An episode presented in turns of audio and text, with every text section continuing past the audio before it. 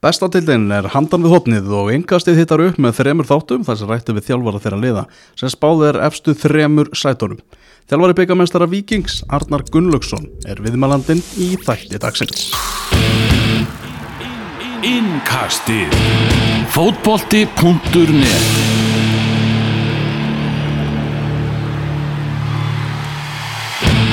Já, hingaði komin Arnar Gunnlaugsson, velkomin Arnar. Takk hjá það.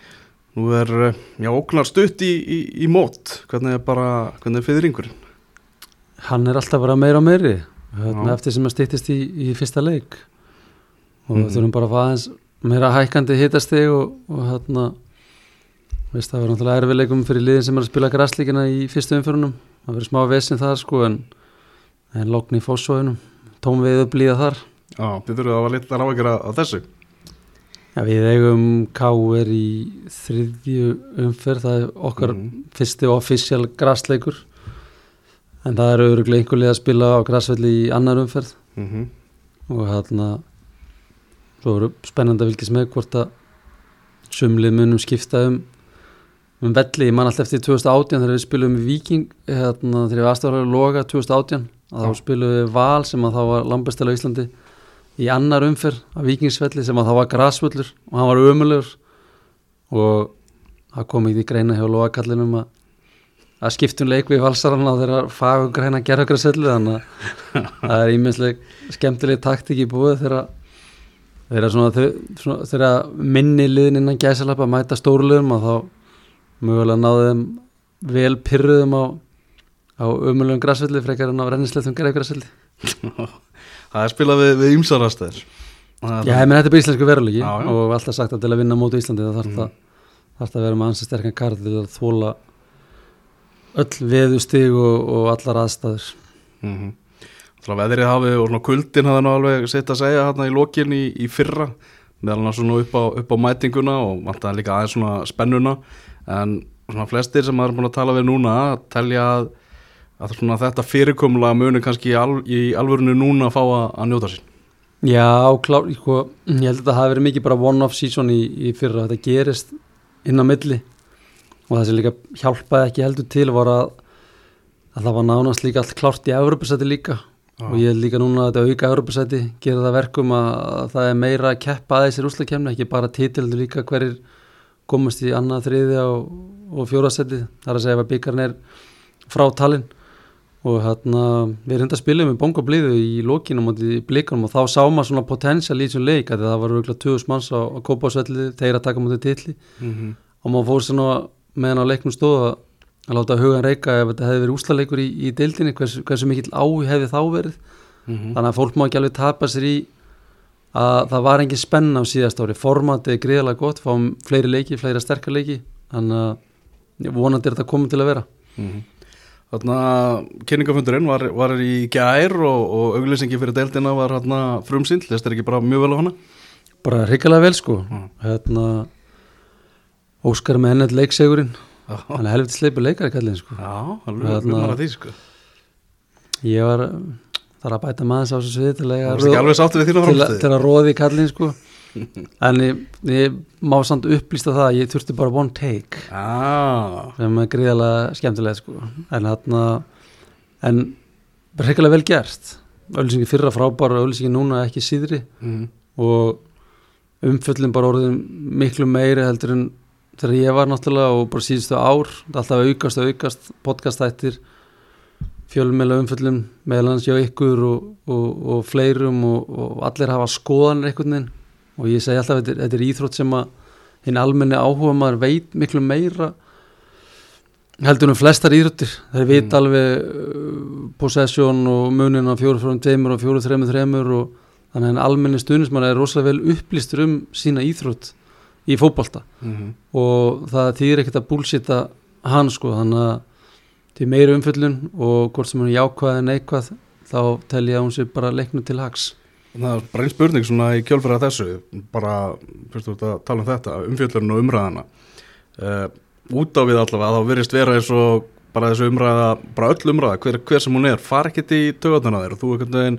heldur alltaf sömu stillingu, er þetta bara andlitið út af við að kemur Nei, fyrir að þú ert að hlusta á eitthvað og bara, hvað, þetta er algjör, algjör vitleysa maður. Já, alltaf, ég gerir það Já. alltaf. Já, en, en sko hún hún ætla bara að verða að virða skoðanir annar og þetta ég held að fótboll sé svo, svo mikið sko, er svo mikið passion Mhm. og þetta er nánast að tala og ég upplega stert þegar maður heyri aðra þjálfara og jáfnvel mig sjálfan eftir leiki og, og í viðtölum að þú basically liðið þetta eins og börniðin sko og þú verður alveg fram í rauðan döðan og, og stundum missir þú svolítið sjónari því að sem Excel er að gerast inn, inn á velli bara, bara dæmi þú, þú, þú tapar leik og, og þjálfar anstakar kemur til leikin og það var allt æðislegt í honum sko. Veist, það var svona ég veit að unnu leikin sko en Mhm. veist, við vorum eiginlega betri en þið en svo kemur á ég þá, þá að segja það þá í viðtölum Já, og koma með einhver endalösan kýtning á því þjálfar það verður mjög gaman en það er mjög áhvert stay tuned, það getur vel verið að gera það í sumar. Já, ég hefði gaman að það en skilur hvað er að fara, þetta er svona þetta er svo mikið passion game og allir er að verja sjálfan sig, þannig að ég held að sé langbest bara að því en almenni stunum, ég segi það alltaf í almenni stunum sem maður sé, sér og veit sannleikan, þannig að guðanabænum ekki verið að búlsita eitthvað sko. Já, þarna í Ísra auðlýsingu þá varst þú svona aðeins að láta menn söffera eins og, eins og, eins og þú ert fræðu fyrir. Þarna voru að horfa þarna á blikana vera, vera að lifta byggarnum og, og allt hannig notar þetta eitthvað? Að bara þið náttúrulega eruð ekki Íslandsmeistarar eins og staðan er í, í dag? Mm, Nei, ekkit eitthvað kannski meðvita Mm. kannski meira svona hvað maður að segja, við erum ekkert að sína klippur af, af blikum með okkar anstæðingunum hverjum degi sko, þetta er svona meira svona að þetta var alveg hot leksja á Kópasvelli í, í fyrra að sjá annar lið taka móti titli og þetta er meira svona viljið upplifa þetta aftur? Það er meira svona þannig hvort sem maður blikar eða, eða káur að valur að káa hver sem hefði gert þetta á, á sínum tíma þá var þetta sárt og þetta er svona meira kannski svona motivation að- vilja ekki lendi þessari upplifun aftur. Mm -hmm. betur fyrir unnur kannski byggarinn sem að bæta aðeins upp fyrir það en, en Íslandsmetill er náttúrulega því holy grail sko, það er náttúrulega svo keppnin sem að sem allir stefnað að vinna og hérna á fáum hlotnast á heiður að, actually geta unnið hennar titil. Þannig að þetta er meira svona kannski motivation tool en það er enginn að, að tönglast á þessu á hverjum einasta degi, hver einustu mínútu það er alls ekki þannig sko. Mhm. Við náttúrulega fjölmjörnamenn höfum gaman að þessari svona breyðabliks vikings svona smá rík sem er að, er að myndast. Þú Óskar komið svona einhvern veginn fram á þetta sviða á svipuðum tíma og, og þetta er sem tvö bestu liðin og, og allt það. Talað um auglýsingu fyrir deildina. Þetta bara þessi, þessi tvö lið hafa verið ansi góð auglýsing fyrir þessa deild núna síðustu ár Já, það, það hafa verið það en, en ég hef tekið eftir mikið vetur að þarna bæði að spila á móti val og káur og fram stjörnunni og svo, svo líka lengjöldulegunum afturhaldingu uh, gróttu og njarvík að öll liðin eru búin að steppir upp það er bara Já. hvert og eitt einasta lið er bara þau eru betur þjálfuð uh, miklu betur í greiningavinna það er miklu meiri pæling í því hvernig við spilum og, og, og, finna leði til að stoppa okkur. Og við höfum bara verið átt í vesinni í nánast ykkur um einasta leik á, á svona á köplum sem segir það að, að, að það er að verða ansi sterk framþróun í íslenskum fótbolta. Mm -hmm. og ekki bara vikingur heldur líka breyðarblik sem kannski það er að argjóða fyrir því að við, við kannski byrjum þetta trend að við þurfum bara að stíga að skrifa upp á við líka sko. Mm. að annars eru hinlegin bara farin að narti í hælun okkur sem eru þegar farin að gera og þannig að, þannig að úr því sömmur þetta eins upp og þá verður bara til þarna, sterk framfarir í íslengu fótbolta sem að verður fótbolta í Íslandi til heilla tel ég Það eru margir komnur upp á, upp á þarnar og menna, í neðri deildunum sjá, sér maður kannski í svona ríkari mæli unga spennandi þjálfara sem er að Já, svona ég- ó- ó- óhræddir Já, ég meina, við- Njarvíka var Arnan Hals og hérna, já, afturheldingu Maggi og, og svo hérna hjá, hjá Gróttu og þetta var bara, veist það, bara svo geggjað að, að, sjá hvernig þessi liðir eru stilt upp og, og hvernig þau spila mm -hmm. og allir með sína pælingar og, og, og öll þessi lið voru að dirfast að, koma framar á móti okkur og pressa okkur og, og, og svo voru með sína pælingar í uppspili líka Mm -hmm. þannig að þetta var bara, þetta var bara challenge Já, að mæta þessu liðum og ég meina það að fullri alvöru og hérna þannig að ég, ég var mjög rosalega ánað með það. Ég er bara svo ánað með þessa þrúun mm og það er líka bara challengear mig sem þjálfara líka þá að, sopna ekki að verðinum og, og, hérna, og gera enn, enn betur. -hmm. Taldu um challenge, eru breyðablík og valur, valur ykkar helstu keppinundar um, um titilin í, í sumar? Mm, Já, fleiri líka. Ég, ég held að ká að vera sterkir Já, þeir, þeir sigla alltaf undir ratar en, en hvaða leikmenn hafa þeir mist? Mm. Snökkvi fóru á núsleikinu byrjað og þeir neðu á öðru sætinu. -hmm. og þarna eru búin að bæta á hópin eru með sama kjarna, sama kor mannskapin, þekkja hvern annan út og inn. Og með metnaði ekki þjálfari og þarna Taldu um hann og, og siglundi ratarinn, hann vill greinilega ekki að káa siglundi ratarinn því að Nei, hann er það, sagt að bara hann vill að káa vera í umræðinu um það að, að berjast um þetta. þá er ég aftur komin að bara þetta er bara batn, liðið, þetta er bara batni hans Mm -hmm. og hérna og hann er að verja þá með kjafti og, og klóm og, og, og hann hefur líka margt til síns máls að færa, þetta, þetta er ekkit flóki við, við hérna, sunna tölur rosalega lítið um káamenn Mm -hmm. og hérna hvað sem að þeim, þeim kannski leið vel með að uh, fyrir tveim, þreim árum síðan, nú er þetta bara orðin stór klubbar í íslenska mælikvarða og, og stefna hátt og auðvitað kemur smá líka smá stolt inn í þetta, byrja okkur ekki verið að tala um okkur við endum öðru sæti í fyrra, vorum undanáttlum í byggar okkur Evrópu. þetta blaður um Mm. viking og breðarblík og, og val og káur þessi liði, okkur ekki tala um okkur þannig að ég skila mjög vel og ég til að þeir svo sannarlega heimis umræð svo spurning með hópin hjá káur byrjunlegur er gríðalega stert og ef þeir eru Íslandsmeistar 2019 þá voru hefnið með meðsli allt árið og ef þeir lendi svoleiðis pakka aftur þá geta þeir svo sannarlega challengear hópur hjá stjörnunni mjög spennandi. Um, F að koma sterkir upp og svo veist, það eru það eru þrjú fjölið sem geta bara stimnum til Mhm. Já, það er frólægt að sjá, þarna þú náttúrulega fyrir um leikmaður KR og fyrir um aðstofaþjálfari KR og allt það og leikir Víkins og KR verið ansið mikið fjör og, og læti. Finnst þér sjálfum persónulega skemmtilegast að, að mæta KR? Um, ég, ég, þetta er náttúrulega ég skil alveg okkur hann er rosalega áhuga samur gagvart stuðnismennum og, og áhuga fólki um fótboll þetta er að hafa verið svaka stríð undan fyrir nár Einmitt. og mikið í húi einhvern veginn. Við höfum mætast í byggar, við höfum mætast í þessum epic leikarna næst síðustu umfyrir 2021 sem vak vakið miklu aðtikli og allt taka mikið gerst í þessu leiki. Svona dramatíst atvik og þannig að þetta poppar allt upp aftur aftur þegar liðið mæta svo ég myndi ekki segja að það væri eitthvað svaka rígur á milli félagana þannig segja, ekki nefna bara heilbriður rígur af því að bæðilið eru vilja berjast um titla. En þetta er eitthvað svona ekstra spæs á milli þessar félaga sem að ánþjóðst þó að, að fara í ykkur að vittlis og þá óhagkamlega hlakka maður mikið til þessa viðregna og, hérna, og ég held að Rúnar og hans þjálfara teimi geti verið, ná, geti verið nákvæmlega sama sinnis og, og ég er. Mm Þarna svona baráttanum titilin, ég held að við vorum að taka það saman um daginn að það voru sex mismunandi klúpar sem hafa voruð Íslandsmeistarar á síðustu tíu árum sem er náttúrulega bara einstæmi í, í heiminum, þú sérð Mhm. þetta ekki annars staðar, það sem er svona ör þróun og svona mörg félög sem er að, er að vinna titilin, er það ekki, Mhm. þetta ekki kannski eitt af því sem gerir svona þessa litlu deild okkar svona skemmtilega? Jú, klárlega, þetta er sérstaklega fyrir okkur, okkur vikinga við erum svona nýbúið að bjóða okkur í, í partíði sko, við veist að þetta er breðablík er, er, hjúts klúpur, við erum að berjast á móti skrýmslum sko, breðablík hjúts klúpur bæði fyrir gæði og náttúrulega resursa, svo erum við valur veist, það eru, það eru peningar og resursar og svo eru bara stórveldi komin stórveldi eins og FA og, KR þannig að fyrir okkur að koma inn og spóila partið er, er virkilega ánalegt og það náttúrulega bara eigur held ég samkjörn í Íslandi. En já, þetta, þetta er mjög óvinnulegt ef þú ber sama við þessi lönd svona, ég veit ekki alveg hvernig þetta er í Sví, mögulega þannig að Svíþjóð líka, mér finnst þess að séu Mhm. alltaf nýjir og nýjir meistarar svona öðru hverju þar líka, en í Danmörk er þetta meiri svona einungun, kannski tvölið síðustu, síðustu, síðustu árutín en þetta sýnir bara að það, það er lítið, það er, það er lítið margin á milli að vinna titil og, og lenda í öðru þriðasæti sem, að- sem að gera okkar keppni svona, mjög skemmtilega áhugaverða myndi ég telja.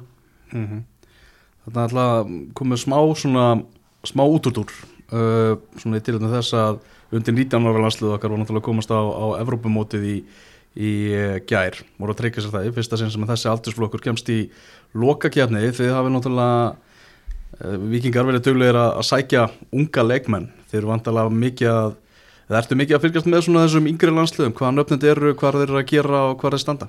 Já, greiðlega mikið sko. Ég hérna, fyrstilega bara til hamingi með hennan stórbrotna árangur þetta ég held að, held að margir gera sig ekki alveg greið fyrir hversu stórt þetta var. Ég meina England í sama aldursflokki var ekki múið að tapa leiki ansi marga leiki í röð og að vinna þennan riðil og á svona samfærandi hátt myndi ég segja er alveg ótrúlega stórt og hjúts afreg fyrir, fyrir þessa stráka. Og 17 landsli gerir þrjú jættribu líka þannig að það er oft, ég segi oft með þessi yngri flokka veist, það er ekkit endilega að gera krafum og allt byrjunliðið, allir hópurinn ná að meika það sem í alansliðinu, því það er náttúrulega ultimate er, að lítur á ultimate góli þessi strákar endi þar, en ef þú fær 1, 2, 3 úr hverjum árgangi til þess að, til þess að sína sig og sanna sem að svo sannarlega er í þessum báðum hópum og þá, þá eru við að vinna rosalega gott starf í, hérna, í þessum úrlingafótbolta og, og, og, og, þess áttur hann að og svo hefur bara vikingur alltaf veistu, ef þessi mólar eru á lausu þá eigum við bara við eigum að vera með í baráttunum og stundu vinnu við hérna, baráttunum þeirra signature og, og stundu töpum við hefum alltaf að taka þátt í. Það, ég held að það sýnir bara svona styrkleika og hvað við erum stattir í dag. Mm -hmm. Náttúrulega svona er skiljanlega þegar liður að vinna titla á allt annað þá er hort til þess hvað þeir eru að gera og önnur félug kannski hugsa getur við gert það sama?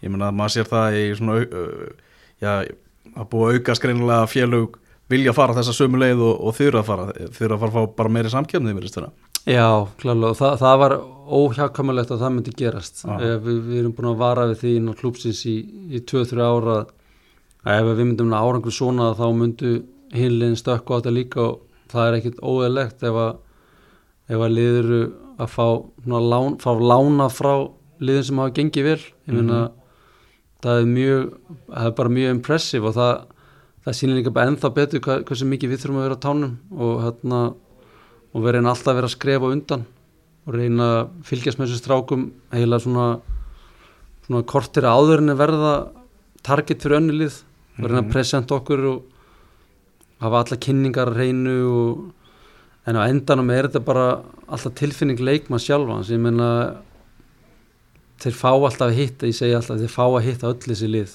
öll þessi lið sem eru, sem gera tilkall í að gera þessar strákar betri. Þessi strákar að hitta þá, fóröldar að hitta liðin. Og svo er þetta bara leikmenn sem ákveða endanum. Það er, er ekkit, er ekkit flókið. Og oftar en ekki að hafa valið okkur. Næ, við erum líka búin að missa á mjög góðan targeti sem hafa farið annað og, hérna, og þannig er það bara. Mhm. Svona geta alveg ímyndum með það að einhverju klúpar hafi verið svona pyrraðir þegar að eru að vinna kannski bara áttan um leikmenn sem að upprunalega eru frá þeim sjálfum en Já. heitlast einhvern veginn af ykkar, ykkar prógrami og projekti Mm, já, auðvitað bara aftur þetta er, þetta er mikið passion í þessu og, Mm. og svo líka farið kannski pressu frá frá stuðnismönnum okkur er okkar strákur að fara þangað strákur sem er búin að uppalinn hérna, hjá okkur okkur að fara þangað veist, og ég skilði það mjög vel en, Mhm. hérna, en ferill leikmann sem stuttur og stundu taka leikmann bara vittlus ákvörun ég vil meina það að sumir leikmann hafa taka vittlus ákvörun og fara ekki til okkar. Já, og, og eru glæðri sem að hafa tekið vittlust ákvörðum með að fara til okkar. Þannig að þetta er bara svo gengur og gerist og það náðu til líka að vera. Þetta er bara heilbritt og, og enn og aftur þá skapar þetta bara umræði mm Þannig að tímabilið byrjaði í, í, í Garðabænum sagður á hann með ungt og, og, og spennandi lið og, og leikmenn, ég menna er ekki með þeir, þrjá leikmenn eða eitthvað þarna í þessu U19 landsliði sem var að komast á, á EM í, í gær, það er svona það er spennandi leikmenn í, í Garðabænum. Já, við líka bara ég vil meina það, við erum bara haldin klúður um titlinum í fyrra með, með okkar úslunni gegn stjórninni, það var alveg með ólingindum að hafa spilað þrjáleiki á mótið þeim og, og gert eitt í aðtefli allt mjög sterkir leikir á okkar hálfu og líka stjórnuna hálfu og hérna en svona eftir að hafa kíkt aðeins á þessa leiki aftur núna sem, sem við erum að gera núna í aðdraðanda leiksins í fyrra þá leikjan í fyrra þá er þetta alveg bara með ólíkindum að við náðum einu stíði út úr þessu þrem leikjum. Og sjö stíg töpuð að fór helviti langt með því að svona útilokka frá þessari baróttu þannig að í raun og veru þessi, þessi vorleikir, þetta vor mínimót, april-mæ fór mjög illa með okkur í fyrra og við þurfum að vera læra reynslinu og vera þess minniður að, að mæti það leikskort sem er að skýta græslit upp á Akarnesi sem var hérna einhver tíman í april þegar við spilum annar umfyrir og skýtöpu sangjant og hérna og einfallega bara mæta í hvern einasta leik minnur þess hvað gerðist í fyrra. Mm Svo er það nýlega fylgis sem þið þar á eftir og, og svo síðan þessi bardagi eins og er alltaf þegar þið mætið mæti káir þetta er alveg, þetta er gómsætt byrjun er, Já, Káa í fjórðum fyrr já, káa í fjóruðum þetta er, þannig að svo er byggarinn á milli og Mhm. bara algjör veisla sko. Já, þetta fyrir á stað bara með trukki og dífu Já, það, er ótt að segja það. Þannig að komni farnir listin hjá okkur, ef við bara skoðum hana þess uh, maður hefur heyrt að svona einhverju hefur viljað sjá fleirin í andlit á, á þessum tíma, tímapunkti. Þarf meiri breytt ekki ef allir eru heilir.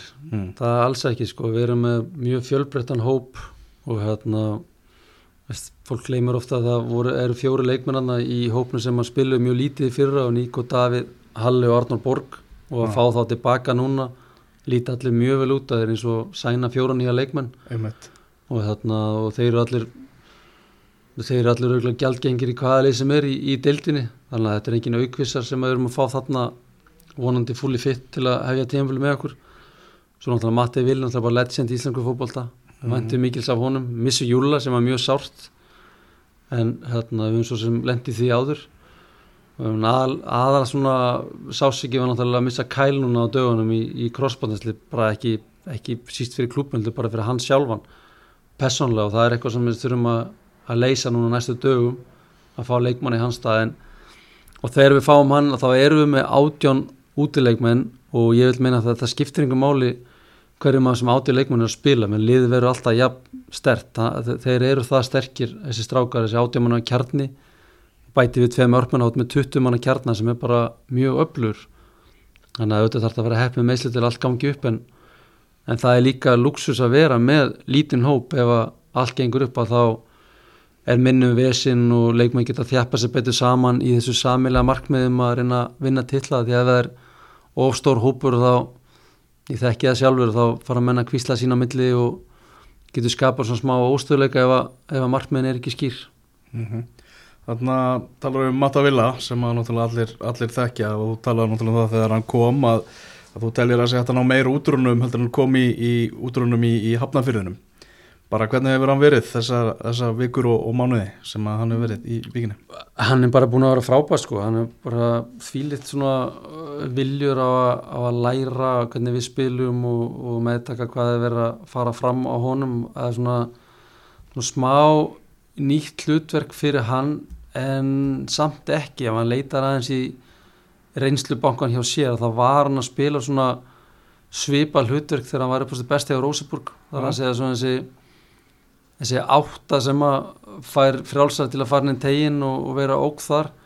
Þeir spilur enda þá kannski 4-3-3 og við kannski meira 4-4-2 mm. þannig að það er svona aðeins öðru sér varnafæslur en, en við erum orðnir lið sem er svona freka mikið með boltan þannig að- að ég vil meina það að þó hann sé núna búin að spila double pivot í, í varnarleika þá þá er hann eiginlega meira að hugsa sem framlengjandi átta í, í okkar kerfi. Mm myndist á missin af það er að missa í Júlamag og það er búið að tala um því tala um það að, svona, að Viktor Örligur svo þetta er svona pressa sett á hann að, að taka sig upp á næsta level og taka aukna ábyrði í, í liðinu og allt það. En með því að missa Júla breytist taktikinn hjá okkur? Að einhverju leiti breytist einhvern veginn upplegið að missa þennan leikmann? Já, það gerir það. Þetta er bæði að missa Júla og svo Stalla á síðast ári og svo Kæl núna. Veist, það væri mjög barnalegt að halda það fram að við munum ekkert breytast. mm -hmm. En ef við gerum þetta rétt þá, þá verðum við, við betra lið en við þurfum að tóna, tóna ýmsal hluti aðeins niður og, og auka ýmsal hluti aðeins upp á við og hérna talandi um Viktor, það, það var eiginlega mjög leiðilegt að, að þetta ár í fyrra hafi verið svona mikið meðsla ár í, í vörnina þegar hann þetta breyða sér í alls konar kvikinda líki og kannski má alveg argju fyrir því að svona að kannski eitt ár tapaði hans þróun sem miðjuleikma sem að við sáum hann, sjáum hann allir fyrir sér í og hann er valið landsli út af hversu góður hann er á miðinni þannig að mögulega fór eitt ár til súgin í, í þeirri þróun en hann getur líka lítið kannski jákvæmt hluti en hann fekk ímsa reynslu á að spila bakur og, og miður í tvekja hansta gerfi og þryggja hansta gerfi sem mun nýtast honum í, í framtíðinni. Uh, þannig að hann er verður klárlega option á miðinni í staðin fyrir júla líka og hann en við erum samt svona þetta er bara, ég er ekki að djóka, þetta er búið að vera svona, þetta er búið að vera challenge okkur einasta ári eiginlega að, að svona að finna réttu blöndun og, og rétt að liða því að þegar við unnum tvöfalt að missu alla vörnina frá okkur. Og challengeið ári eftir var gríðalegt sko, gríðalegt og að finna rétt að liðu, réttu blöndun og við skorum fullt af mörgum og vorum kannski skemmtilega liðin árinu undan en, en, en varnarleika var svolítið, svolítið ágefni og hérna, þannig að ef við getum blandað saman 21 og 22 þá vorum með helviti öflutlið finna það blödu þarna tala nú með Vitali í gær eru náttúrulega að skoða miðverði núna í ljósi með, meðslana hjá, hjá Kæl bara ákvaða svona kaliberi eru þessir varnamenn sem, að, sem að þeir eru að skoða? Mm, Þeir eiga bara að vera mjög sterkir sko. Já. þeir eiga bara veist, færið alveg hundra manna lista frá alls konar umbásmönnum og, og, og þess að það sko en við erum bara með ákveðna hugmyndum hvernig leikmann við viljum fá. Og þess að segja oft, ef, þó hans ekki komið næstu tveim vikum þá er það kannski allt í lagi sko. Í staðin vera, vera að taka ykkur, í ykkur panikasti og vera svo óanæður þegar líður á sumari að þarna þá er þetta þá er þetta bara típa sem er að leitast eftir sem að líður vel að bolta og er örugur í sínu varnarækjurum og, og er líka svona smá lítir. Svona eftir að júli fór og þá er svona liðið kannski orðið hálf svona málöst og það mátti ekki mikið við sko þegar hann var líka meiri þess að eftir að Kára og Sölvi hættu. Þannig að það þarf líka að vera svona típa sem er tilbúin að, að svona vera smá lítir inn, inn á velli. Þannig að ég, ég er eitthvað nefn, nefna kosti og leikmenn sem ekki spila bara í ennsku úrastildinni það þarf að vera ókslega góður í fótbolta það er fljótur og góðum bolta og vera lítir.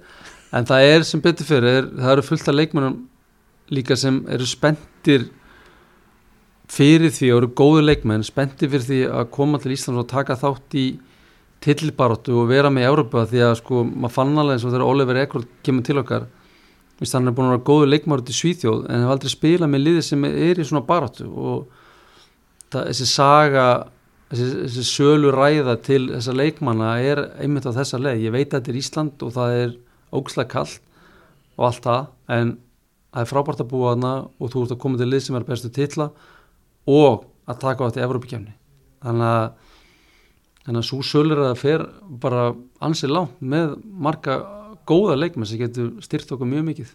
Mhm. Þarna, já, gengir náttúrulega vel hjá Viking þegar að vera að lyfta byggur um og gera vel í, vel í Evrópu og, og annars líkt, mikil samkjöfni auðvitað, um sæti í liðinu. Af hverju, já, náði Adamæður Pálsson ekki að vinna sér inn í, inn í myndina betur hjá þér mm, ég held að hann hafi bara verið mjög óheppin mm. óheppin að því leitið veginn að þeirra liðir að fungara hvað best að það eru leikmenn í hans stöðu að ég bara brillera sko. Kristall var hann 21 og, og hluti af sömrunni í fyrra og svo kemur Ari inn með algjörum stónsveip í, í fyrra sem, sem einn albesti kantmaður Mm á landinu. Og, og svo ertu bara með fleiri bara topp, topp, topp leikmenn. Ég meina Byrni veist, það er engin betur en hann einn á móti einum í, á, á landinu. Það er bara það er, það er bara fakt og þannig að það er bara erfitt að fá tækifari í, í liði sem er með marga góða leikmenn og líka liði sem er að ganga vel. Það er mjög hættuleg blanda fyrir leikmenn sem ákast ég skilið að fá tækifæri. Og, og eins og segi það, það má alveg færa mjög sterk rauk fyrir hann að spila allt og fá leiki fyrir okkur. En hef ekki sagt þetta hann var alls engin lúsir hjá okkur. Hann vann, vann titla og, og er núna komin til bara mjög stórs klúpsla á Íslandi í, í krafti þess hvað hann gerði fyrir okkur. Mm Við fáum þarna ungan miðvörður IR Svengísla Þorkilsson, stóran og, og stæðilega uh, í gegnum skáting-systemið er hann að náttúrulega hann er framtíðar músík hjá ykkur, það er bara spurning hversu svona hrattar mun vaksa inn í þetta hvernig hann verður orðin mm Mhm. stórleikur í, í liðinu. Já, bæðið sem bakurur og hann munum vantilega kannski enda sem yfir en það er bara svo gaman að, að skáta svona leikmann sem að sem hún finnur bara einhvern veginn í neðri deildunum. Og, og líka bara svo ánaðar að hafa fengið tækifærið í að hérna, spila fyrir klubb eins og, eins og Viking og, og það er leiðin þetta að fara strák sem er tilbúin að vaða eld og brennistirinn til, til að ná árangri. Mhm. og þetta er líka bara svolítið svona heillandi koncept að ekki bara eldast við ungu strákana sem eru þekkt nöfn og hafa fæli elendins, þetta er líka að reyna að finna einhver svona demanta sem að leynast allstaðar Mhm. og þurfa bara kannski smá svona sjens til að láta ljósið skína og, og vonandi vonandi hérna ná að gera eitthvað gott úr honum Mhm. Það er búið að vera svona, mikil þróun hjá, hjá vikingum svona bak við tjöldin og náttúrulega Kári hérna í, í sínu starfi og þú náttúrulega með Sölva sem þína hægri hönd. Hvernig er svona hvernig er ykkar samstarf þín og Sölva? Hvað, hver er svona hans helstu styrkleikar sem að þú ert að nýta þér? hann náttúrulega bara veit bara hann sem mikið um fótbolta og sérstaklega varnarleika, hann er gríðarlega viljur að, að læra, hann er hann var kannski svona svipar og ég þegar ég byrjaði við vorum ekkert einhverju tölvunördar neitt svoleið sko en núna er hann tölvusnillikur og kann á all gerfin og all greiningargerfin og, og vill bæta sig og hver eins degi og, og ringir ofta dag bara til að spyrja um ímsa þætti og, og hann er bara gríðarlega efnilegur þjálfari og búin að hjálpa mig mikið. Og hann er líka svo sterkur karakter að, að hann leynir aldrei á sínu skoðunum. Vist, hann er ekki engin jámaður. Vist, ég þarf ekki okkur jámanum að halda. Mm -hmm. og bara hrika lána með hans starf. Og ég sé bara mikla framtíð fyrr hjá honum innan klúpsins Mm. svo náttúrulega er bara góð dýnamik í, í hópnu, við erum með tvo mjög sterkar greinendur í Markus og Aronni og svo Tjökki sem margmannsjálfari Karta Klía, hann er náttúrulega bara ómöndilegur, ég veit að hann er hataður af flestum dómarum landsins og, og, og, flestum þjálfurum á jákvæðan hátt á meðan að leik stendur. Einmitt. hann einn af þeim karakterum sem er svo ljúfur sem lamp þegar leikurinn er búin en, en hann er bara, fyrir utan að markmannstjálfur er hann bara greiðlega mikla þekkingu á fótbolta. Mm svo erum við Guðjón sem fitnesstjálfara og Kára sem yfirmagn narsmöðmála en að ég, við erum alveg í toppmálum hvað varðar staffamál í, í vikinni Mhm. En talandi um, um svona staffamál bara að manna, þú ert að ná þessum árangri og náttúrulega með þína fyrirskjá sem atvinnumæður er alltaf að tala um svona hvenar erlend félagslið munu, munu leita til þín og allt þannig.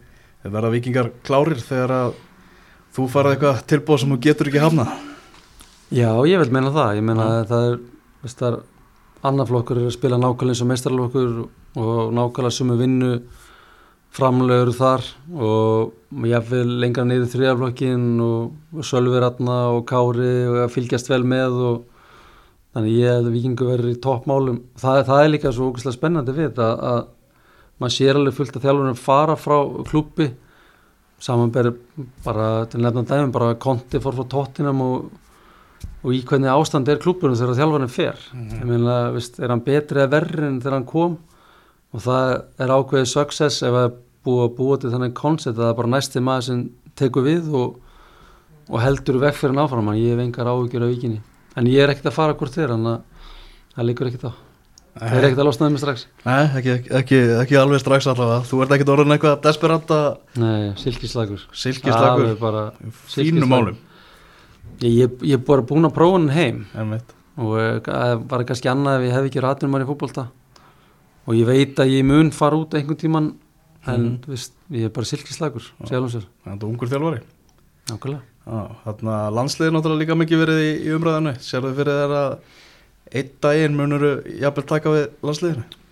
Já, þetta er bara æsta, æsti heiðu sem getur hljó, hlotnast er að fá að þjálfa þína þjóð en ég, þetta er bara starf einhvern veginn fyrir mig þegar maður er komin í rauðinsglasið og, og, og hérna, gólfið eftir ákveðin mikinn tíma að, að þá er svona að vera verðluna fyrir gott starf.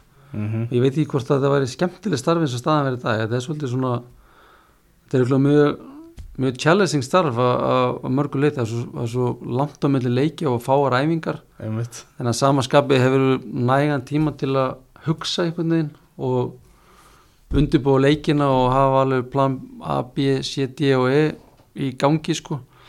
En landslið þetta er að sterkar skoðan, þetta er náttúrulega passjón hjá öllu núna að fylgjast með landsliðinu og, og það hafa verið rosalega góði punktar en líka slæmupunktar og, og málið er að, að reyna að lámarka þessar slæmupunktar, reyna að finna einhvern veginn svona farveg þannig að að liðið sé getið mætta útivöll og heimavöll eins og var fyrir 2, 3, 4 ára síðan þeir voru upp á það besta og, og vera nokkuð konfettit um, um að ná góðum leik og þar leiðandi góðum úrslitum og, og sleppa þessu sveiflum. Það er ómikla sveiflu núna síðustu ár í, í, í frammestu leikmann og auðvitað má kennum það alls konar aðstæðan sem allir vitum.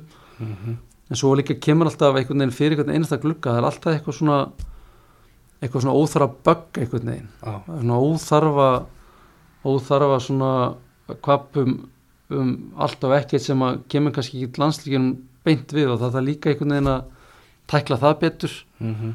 og svo líka einhvern veginn þarf að fá aðeins þjóðina meira með í þessi, verkefni. Það er, mér líður svona núna eins og það hlakka meira í þjóðinu að gaggrina eitthvað illafer heldur en að fagna því hvað, hvað vel gengur, skilur hvað er að fara? Það er svona, þetta er orðið og mikið svona einhvern veginn að skrýta nátt til að við á móti landsliðinu skilur, Mhm. í staðan fyrir að við séum einhvern veginn allir saman í þessu í þessu blessaða verkefni og, og reyðilega núna með útlætin sem voru nú síðustu leiki þessi bósnileikur, ég veit að þetta er disaster en, en með einhvern önnur úrslit þróust á allt hennu bara með því að vinna Slóviki þá eru konni í annarsæti sko, sem er næsti leikur by the way sko. Mhm.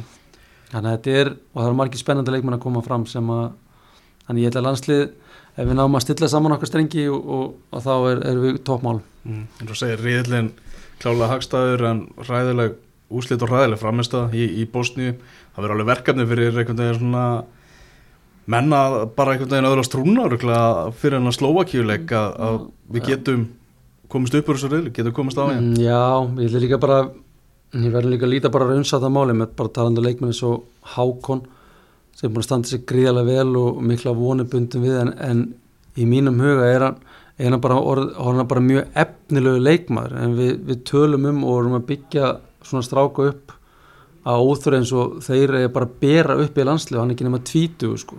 Mhm. hann er gríðarlega efnilegur og verður gríðarlega góður ég hef enga, engan vafa um það en, en fyrir hann að mæti svona landsleiki og það sástali í útileiknum í Bosníu að veist, hvernig ertu tilbúin í að leiða landslið skilur Mhm. og þannig að veist, þetta er svona óþara pressa sem við setjum á þess að stráka og mögulega þeir setja á sjálfan sig og í staðin hefðum við viljað sjá kannski leikmenn og Jóhann Berg og svona sem er korti fyrir að komast í úrvasteildina frábær leikmaður Mhm. og Alfred Fimbor þeir, þeir taka ábyrna til sín og leifa þessum ungu strákum svona að vera ungi leikmenn aðeins lengur, ekkert ósip og þegar þeir komu sjálfur í landsliða þá var svona tekið á móti þeim og, og þeir fengu að gera mistök Mhm. og þeir eruðu stærri fyrir vikið þannig að þetta er svolítið svona Aron Einam að sá það þegar hann kemur inn í hópin hvað, þessi stráka bæta allt í kringum við landslið.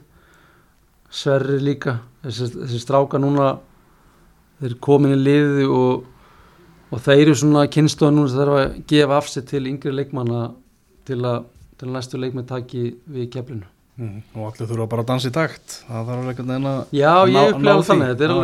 þegar við erum, þeir eru með allan hópin saman, ef allir verður saman þá erum við með bara mjög með stert lið, stert Mhm. innlega og mjög skemmtilega blöndu og svo fáum við stráka á honum, ég vil meina að það er strákar með nýtjörnlandslega sem eru tilbúinir að taka líka skrefin í hennan hópum en að orðið er ekkit eðlilega spennandi leikmaður Mhm. og þarna svo leikum við 20. landstum líka sem er mögulega kannski tilbúin að komast inn í hópin líka þannig að þetta er alveg eins og segja ef að einn eða tveir við fáum einn eða tvo á næsta árum inn í þennan kjarnar sem er fyrir núna þá lítur þetta bara nokkuð vel út en, en auðvitað við að fara að fá úrslit. Þetta er, Mhm. þetta er búið að vera hansi slæm ár undanfærið þrjú fyrir ár úrslitilega séð. En svona framistulega séð inn á milli hafa komið kapla sem að gefa það verkum að maður er alveg tiltölulega bjassin Mhm. mikið búið að tala um svona sexu stöðuna í, í, í landsliðinu. Hver getur verið já, maðurinn bara til að taka við keflinu til frambúðar þar? Þetta er með ykkur að skoðuna því Mm, já, veistu, þetta hefur maður skoðan því að það kannski skiptir kannski einhver máli hver er mín skoðan, en það er bara spurning hvort að kannski þurfa að vera heiðarlega við sjálfum okkur hvort að hvort erum að réttri leið með, með þetta kerfið eða hitt kerfið og svona kannski verið ekki o- obsessi við þessa sextu, sexu stuð heldur Já. frekar kannski getum við spilað með tvær sexur getum við getum við styrt eitthvað liðið ennþá betur með því að tvíka eitthvað aðeins til í hérna kerfinu sko, í mínum huga kerfi þetta er alltaf að tala um leikkerfi hvort þú spila 4-4-2, 4-2-3, 1 4-3 það skiptir bara einhver máli. Er, þetta er bara hvernig við verjumst og hvernig við sækjum. Mhm. og, og mögulega inn á milli stundum þá erum við svolítið opnir þegar við erum að verjast. Og þá er bara að finna leiðir fyrir þjálfan til þess að er hann að bæta úr þeim veikleikum að ég held að vestar sem þjálfar geti gert þeirra einhvern veginn að halda áfram í hvort sem er Arna við þessi að ég sjálfur eða einhver annar halda áfram í blindni með eitthvað sem að augljóslega er ekki að virka því að í dender við okkur var þegar okkur var að ganga hvað besta þá náðu að finna kerfi sem okkur leið vel í að spila hvort sem að var út í Fraklandi eða, eða heima allir mútið færum og þurfum að einhvern veginn að finna þá blöndu aftur Mhm. Svona eitt nafn sem að svona, mér finnst kannski vera, þú veist að tala um að það séu spennandi leikmenn í U21 og U19 og ef við talaðum um þetta misvæði, Andri Fannar Baldursson svona, Mhm. kannski svolítið að gleymast í, í umræðinni frábæri svona tjekka umspili með Mhm. undir 21 árs landsliðinu og Já, var komin í laðanasli líka fyrir ykkur 2-3 ári síðan, var að spila þarna sem miðumadur og tók aðeins skrefið tilbaka og spurning hvort það sé ekki tilbúið núna að taka skrefið upp aftur Jó, þetta er, veist, hann er bara hann er bara núna í ákveðum svona, ég vil ekki segja öldudal en hann er bara svona í sem allir ungi leikmenn lendi hann náttúrulega fór rosa hratt fram á sínum tíma, var komin í ítösku seri A-deildina og spila mútið AC Milan og Inter Milan þegar hann var 18-19 ára gammal og núna er hann bara þau tímambili sem maður þarf aðeins að grænda og, og, og, og bara svona að það bara accepta þessa áskorun hvað hann er stattur í dag og bara fagna henni og koma út úr henni sem sterkara leikmaður og með það litla sem ég þekki á honum þá er hann þannig karat, hann getur komist út úr þessu og hann er svona að fá fleiri og fleiri mínútur í Hollandi núna. Og þetta er bara aðalega svona að, að finna þetta peace of mind í hausnum að þetta er challenge áskorun hvað hann er stattur núna á sínu ferli sem hann kannski sá ekki fyrir þegar hann var að spila þessa áður nefnda leiki sem nefnda áðan og þá verður hann huge asset fyrir íslenska landslið Mhm. fullt, af, fullt af ljósum punktum og það hlýtur að hlýtur að fara að byrta til hjá, hjá allansliðin okkar. Ég segi, ég meina, þetta er ekki dekkra en það að með því að vinna Slovaki næstum fyrir á, heimavelli, okkar sterka heimavelli að þá eru konin í annarsætið Já. og þannig að við getum við höfum bara, við höfum bara að læra af þessum bosníuleik en svo eigum við bara að gleyma honum og ekki til að tala um hann frekar og þarna einbyttu okkur frekar að hvað er að gerast í júni glugganum. En sá gluggi er líka mjög mikilvæg fyrir fyrir landslið, þetta gæti orðið helviti erfitt, ég meina við sjáum að það eru verið að rekka þjálfara hægri og vinstri Nagelsmann fór frá bæjan sem að sem er búin á stórkustum árguð Champions League þeir eru í öðru sett í, í þýskudeldinni og þannig að þetta er ég segi oft í þessum bransa þú ert alltaf tveim, þreim leikjum frá krísu. Já. Og þannig verður það eins og glugga og ég held að veist, Arna Viðarsson og Jói Kallir er búin að það lengi í þessum bransa þeir þekki alveg út af hvað þetta gengur. Mm myndist aðeins á hérna, Jóa Berg og, og kannski förum aðeins út í börnleik bara svona forvitnis spurning frá, frá mér. Sem ég veit að þú pælir mikið í svona þjálfurum og hugmyndafræði og Daniel Djúrits var í viðtalum daginn og tala um að þú væri mikið að stúdera Brighton og sína þeim svona hvað, hvað Brighton er að gera sem er náttúrulega mest spennandi svona liðið í mm. Mm. skúrastildinni þannig að ertu búin að skoða hvað, hvað Vincent Kompany er að gera hjá börnleik Já, ég er búin að fylgjast mikið með þeim. Það er mjög áhugavert sko. Bara, þetta er náttúrulega bara City konceptið eða Pep Guardiola konceptið með smá tvisti og, og ég er mjög ánæður hvernig Jói Berg er búin að takla verkefni hann er búin að prófa nýja stöður og, og hendar því mjög vel. Hann til dæmis var, er mikið vinstara meðin á miðinni hjá Burnley og hann er bara frábær í því hlutverki. Og þess að koma svona smá á óvart hann var loksins að hann var settur á miðjuna í landslið þá var hann hægra miðin af því ég held hann að ég tel hann að geta nýst okkur betur vinstara miðin á miðina sem er að spila fyrir börnli af því hann er með lethal krossa og, og svona þessi svokvöldu undurhlaup sem að hjálpa viðkomandi kantmanni. En hann að en það er vist þetta er líka draumur mig þessi þjálfara þegar þú ert með fyrirvændi leikmenn þína sem að meðtaka þína hugmyndi svo vel að þeir breyðu út fagnarerindi til alla klubbana sem að margt þetta mm -hmm. ég veit ekki hvort ég er að reyta Arsenal stuðnismendi reyði en mér líður svo loksins þegar hann fór að Arsenal, eða Arteta fór að láta Arsenal spila eins og hann var búin að læra hjá Guardiola þá fór að ganga miklu betur af því að við munum alveg fyrstu tvö ári hjá Arsenal þá, vor, þá var eins og hann aldrei mætt á æfingar hjá Guardiola þeir voru að spila einhvern allt annað fótbolta. Mm -hmm. 5-4-1 og eitthvað svona leiðindi sko. Og kompani gerir það nákvæmlega sama og, og hérna svo Savi hjá Barcelona þetta er allt svona svipu koncept og svo bæta þeir bara við svona sínu eigin DNA inn í, inn í sína leikfræðin en leikfræðin og koncept eru álíka svipuð þannig að ég fagnaði þessu greiðlega mikið. Já, þetta með kompani kannski líka hvað merkilegast var að einmitt varandi það að þarna er þetta bara umturna algjörlega hugmyndafræði liðsins Já, og félagsins. já, já, og, og með þessum árangri á svona skömmum tíma sem lítur að þessi, tók nú viðtal við Jóa Berg hérna bara úti núna og hann bara einhvern veginn svona ljómaði þegar maður byrja að tala um börnlegi og það sem þeir eru að gera. Nú finnst þetta svo skemmtilegt Já, ég dýmita með það allt í nú kannski Jóka Jóberg, hann er 32-30 ára. Já, og ég ætla nú ekki að segja að hann hef verið í einhverju leiðindi á bönni, alltaf mjög svona solid úrastöðlega en, en svo að fá svona feska vinda í lokina þínum ferli, það er einhvern veginn bara svona taka það stert til áruna þú kannski farið aftur áhugan á fótbalta Mm. ef, ef, ef að svo má orði komast og núna er hann kannski alltaf að fara að tala um að vera þjálfari og, og, og ég þórilega veða það að þetta stelur hann hugmyndi frá hverjum með einum þjálfar og stjóra sem búin að kynast á lífsliðin en hefur mögulega verið kannski sterkustu áhrifin frá Vincent Kompany mhm. og að því bara ég fíla hvernig hans er að spila þá frekar en hvernig liðin að Sjón Dæs er að spila til dæmis að þá held ég að það verið bara leiknum til framdráttar Hvað ertu að horfa á marga fótbollaleiki á einu mánuði? það er auðvitað svona vinnu helgin hvað allir sem margir leikir þetta eru, að þú kannski horfur ekki á það allar helgin, tekur svona punkta en, en kannski svona 10-15 leikir í vikunni eitthvað svo leiðis Mhm. svo heyrur við einmitt af börnli svo heyrur að liðum að spáni vist, alls konar liðum þar og þú kíkir á þá og svo heyrur af hakken í Svíþjóð og, og Bótó og alls konar svo liðum og þá tjekkar á þeim líka og reynir svona að fylgjast með hvað er að gerast í öðru löndum líka, ekki bara þessum stæðstu deildum. Mhm. Þarna ljúkum þessu spjalli kannski aðeins á Evrópu, bara hversu gaman var að taka þátt í þessu bara þessari Evrópu þessu Evrópu dæmi öllu í fyrra og náttúrulega mm -hmm.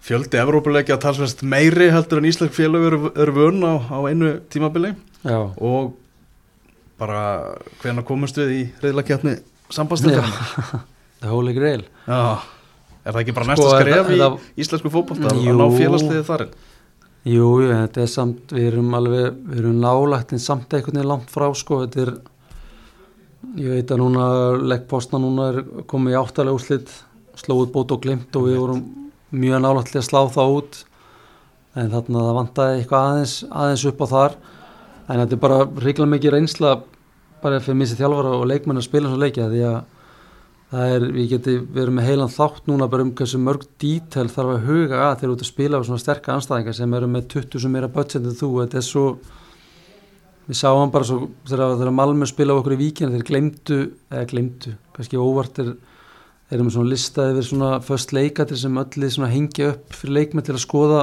að bara rétt á hann stígu út af öll og þeir skildu eftir sinn lista upp á vegg í víkinu og, og, og það var bara bók sko. það, það var bara svona það var, það var jafnvel að spá í hvað Vasperinn okkar var að gera meðan að hotni verið tekið svo þessi ígæðins hversu mikið dítel voru lögð í í, í hérna, hlut eins og hotspinnur og aukarspinnur og þess áttar og þá getur eitt ímynda með hversu mikið dítel er lögð í að leikrina anstæðingana og, og það það bara alltaf verið upp á tíu og, og ástæðan fyrir að við duttum út í kefni var var bara að við geðum eiginlega meiri mistök heldur en anstæðingur, meiri svona taktíska feila sem að sem að kannski betri lið og betri leikmenn hérna, er ekki að gera sérstaklega með leikin úti í postnum þetta er bara taktíski feila sem að við klikkuðum á sem að sem að strákotni hafa læra á og vita á hvaða level þið þurfa að stíga upp til að eiga möguleika á, á að komast í þess að frægur riðleikjana Já, þetta verður, þetta verður stuð. Þetta er, það er stuð sumar framöndan það er alveg hjálpna bara Arnar, takk hjá fyrir að koma. Takk fyrir